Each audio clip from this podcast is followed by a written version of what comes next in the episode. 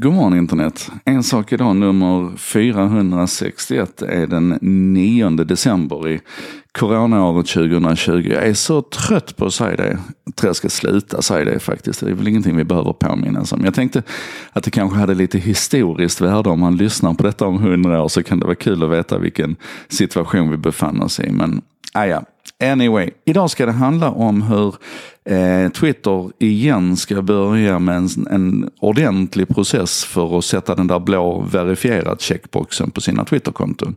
Och det finns en koppling här till Wikipedia som jag tycker är jättespännande. Och, och stort tack, shoutout till eh, Lennart Gullbrandsson som var den som fick mig att hitta den här lilla, lilla nyheten.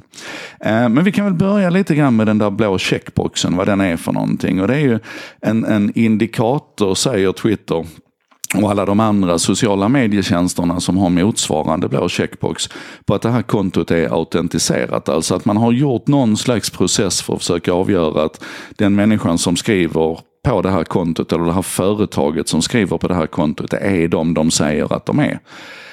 Um, och det har varit lite hett eftertraktat byte för att i många sammanhang så används den där blå checkboxen som ett slags filter. Om du till exempel tittar på TweetDeck eller vilken Twitter-search som helst där du ska leta efter tweets på ett, om ett visst ämne till exempel eller tweets på en viss hashtag. Så kan du nästan alltid kryssa i att du bara vill titta på verifierade konton. Och eh, det där är lite spännande för det, det, i någon slags twitterati kultur liksom så har den där blå checkboxen betytt att man är lite mer. Och jag har en sån och jag är jätteglad för det. Jag vet inte hur den hamnade där, en dag satt den där bara. Men det här skedde i alla fall före 2017 för att då pausade Twitter det här med blå checkboxar. Det var så mycket kontroverser runt det och så mycket halabaloo om, om vem som fick den där och vem som inte fick den. Och man tyckte nog från Twitters sida att man i den allmänna diskussionen tillmäter lite för stort värde till den där checkboxen. Så man sa nej, fuck it, nu skiter vi i det här en stund och fokuserar på andra saker.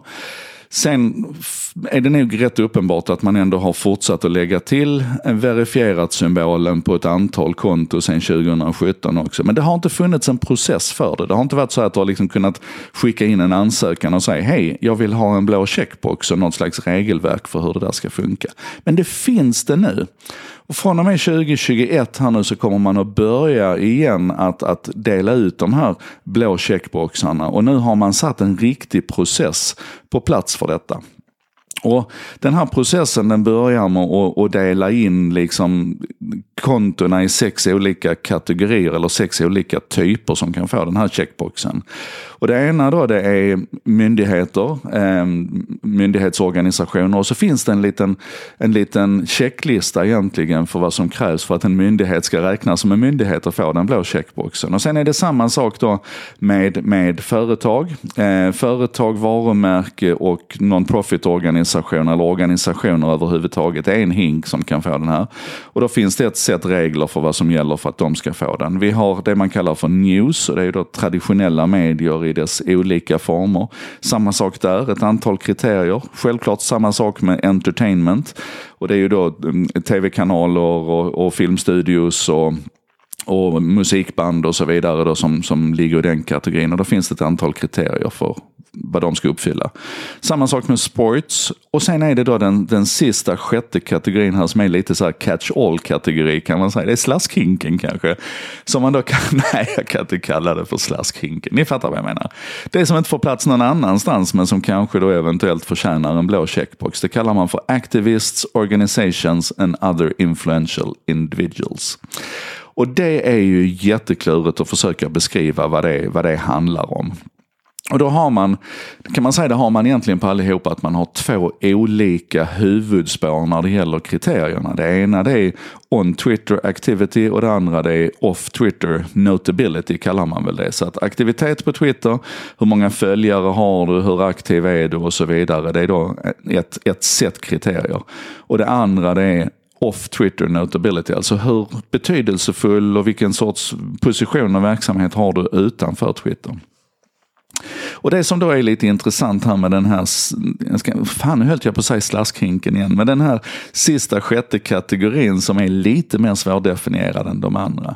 Då är det ju så att Twitter-aktiviteterna är ganska enkelt. Liksom, så man, ska, man ska vara erkänd för att ha skapat en hashtag eller man ska ha 0,1 procent av, av eh, ligga i den, den topp 0,1 procenten när det gäller att räkna antal följare i landet.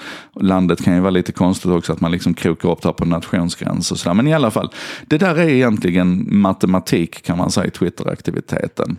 Men sen när det gäller off-Twitter-aktiviteten så är det lite lurigare. För att då pratar man till exempel om eh, Eh, forskning då kan man säga att det ska finnas tre referenser i, i nyheter till dig. Alltså att du ska ha förekommit i och blivit om, glöm det jag sa om forskning förresten, att du ska ha blivit omskriven i nyheter åtminstone tre gånger de senaste sex månaderna. Eller att du har en profil på, ni vet när man går till Google Trends och börjar skriva ett namn där, så istället för att det bara står search term så kan det stå att, att du är en profil, alltså att du är en person.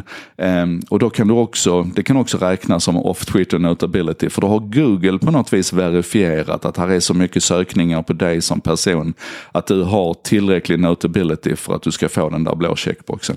Men sen är det också då det som jag tycker är spännande här, extra spännande, hela detta kittet är spännande, men det som är extra spännande det är kopplingen till Wikipedia. Och då säger man att ett exempel på off-Twitter notability, det kan vara att det finns en Wikipedia-sida om dig. Och på den här, sen specificerar man då lite mer specifikt då att på den här Wikipedia-sidan så ska det finnas tre externa referenser till oberoende källor som, som verifierar innehållet i den här Wikipedia-sidan om dig. Men just det här faktum att man, vad ska man säga, offloadar en del av verifieringsarbetet på Wikipedia, det tycker jag är superintressant. Och det här går igen tillbaka till min tes om hur oerhört centralt Wikipedia håller på att bli. Inte bara för att man promenerar iväg till Wikipedia och, och läser på om saker och ting eller diskuterar vad som är relevant på covid-19-sidan eller går in och redigerar eller, eller sitter och istället för att sticka så sitter man och gör översättningar på Wikidata och sådär. Alltså det, det här håller på att bli en sån otroligt central del i hela vårt internet-ekosystem. Och du ser det nästan varje dag när du söker på någonting i den här informationsboxen ute till höger, hur den hämtar information ifrån, ifrån Wikipedia. Eller om du går in, och det här blir lite cirkelreferenser här också, om du går in på en, en Wikipedia-artikel och tittar på hur många invånare det bor i Helsingborg, så är den siffran hämtad ifrån Wikidata där en engelsk eller en, en eh, fransk artikel om Helsingborg hämtar samma siffra från samma post i Wikidata.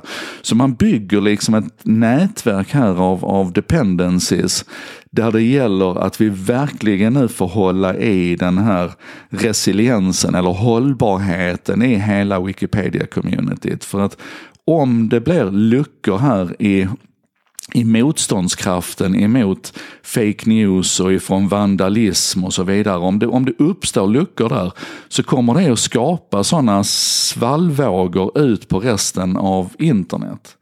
Och jag vet vi hade något tillfälle, jag tror nästan att jag gjorde en sak idag om det, där någon hade skojat till det lite grann på en Wikipedia-sida om någon och när du sökte på den personens namn så i informationsboxen så stod den felaktiga informationen ifrån Wikipedia där. Och, och det, det, skapar ju naturligtvis en mycket, mycket, mycket större exponeringsyta för den här felaktiga informationen. Och då blir det lite problematiskt när man upptäckte det här och snabbt gick in och rättade upp Wikipedia-artikeln, tog bort vandalismen där och rättade upp den. Men Google hade cachat det, det felaktiga gamla resultatet så att det låg kvar och syntes i dagar om inte veckor. Och, och på samma sätt är det med med den här checkboxen här nu med verifierat på Twitter, att det här kommer ju också öka trycket att försöka gamea Wikipedia och försöka liksom få in artiklar där som kanske egentligen inte har där att göra för att du ska få den där checkboxen på Twitter. Jag tror ni är med på vad jag menar här och, och, som vanligt vad jag vill uppmuntra till det är att, att engagera er mycket, mycket, mycket mer än vad ni redan gör i allting som har med Wikipedia att göra. Eh, se till att börja redigera där, sätt upp bevakning på ett antal sidor som, som berör sånt som du har lite koll på och som du tycker är viktigt. Eh, jag, jag, ska göra så, jag ska göra en specialare kanske under julhelgen med exempel på aktiviteter där alla kan göra någonting som hjälper hjälper till att bygga kvalitet och motståndskraft i Wikipedia-familjen. För det här är så centralt och så viktigt. Anyway, um, det här var en sak idag med mig, Joakim Jardenberg. Det känns nästan som att det kommer komma en ny imorgon. Håll ut och håll ihop och, och är du antivaxmotståndare, håll käften. Vi ses imorgon.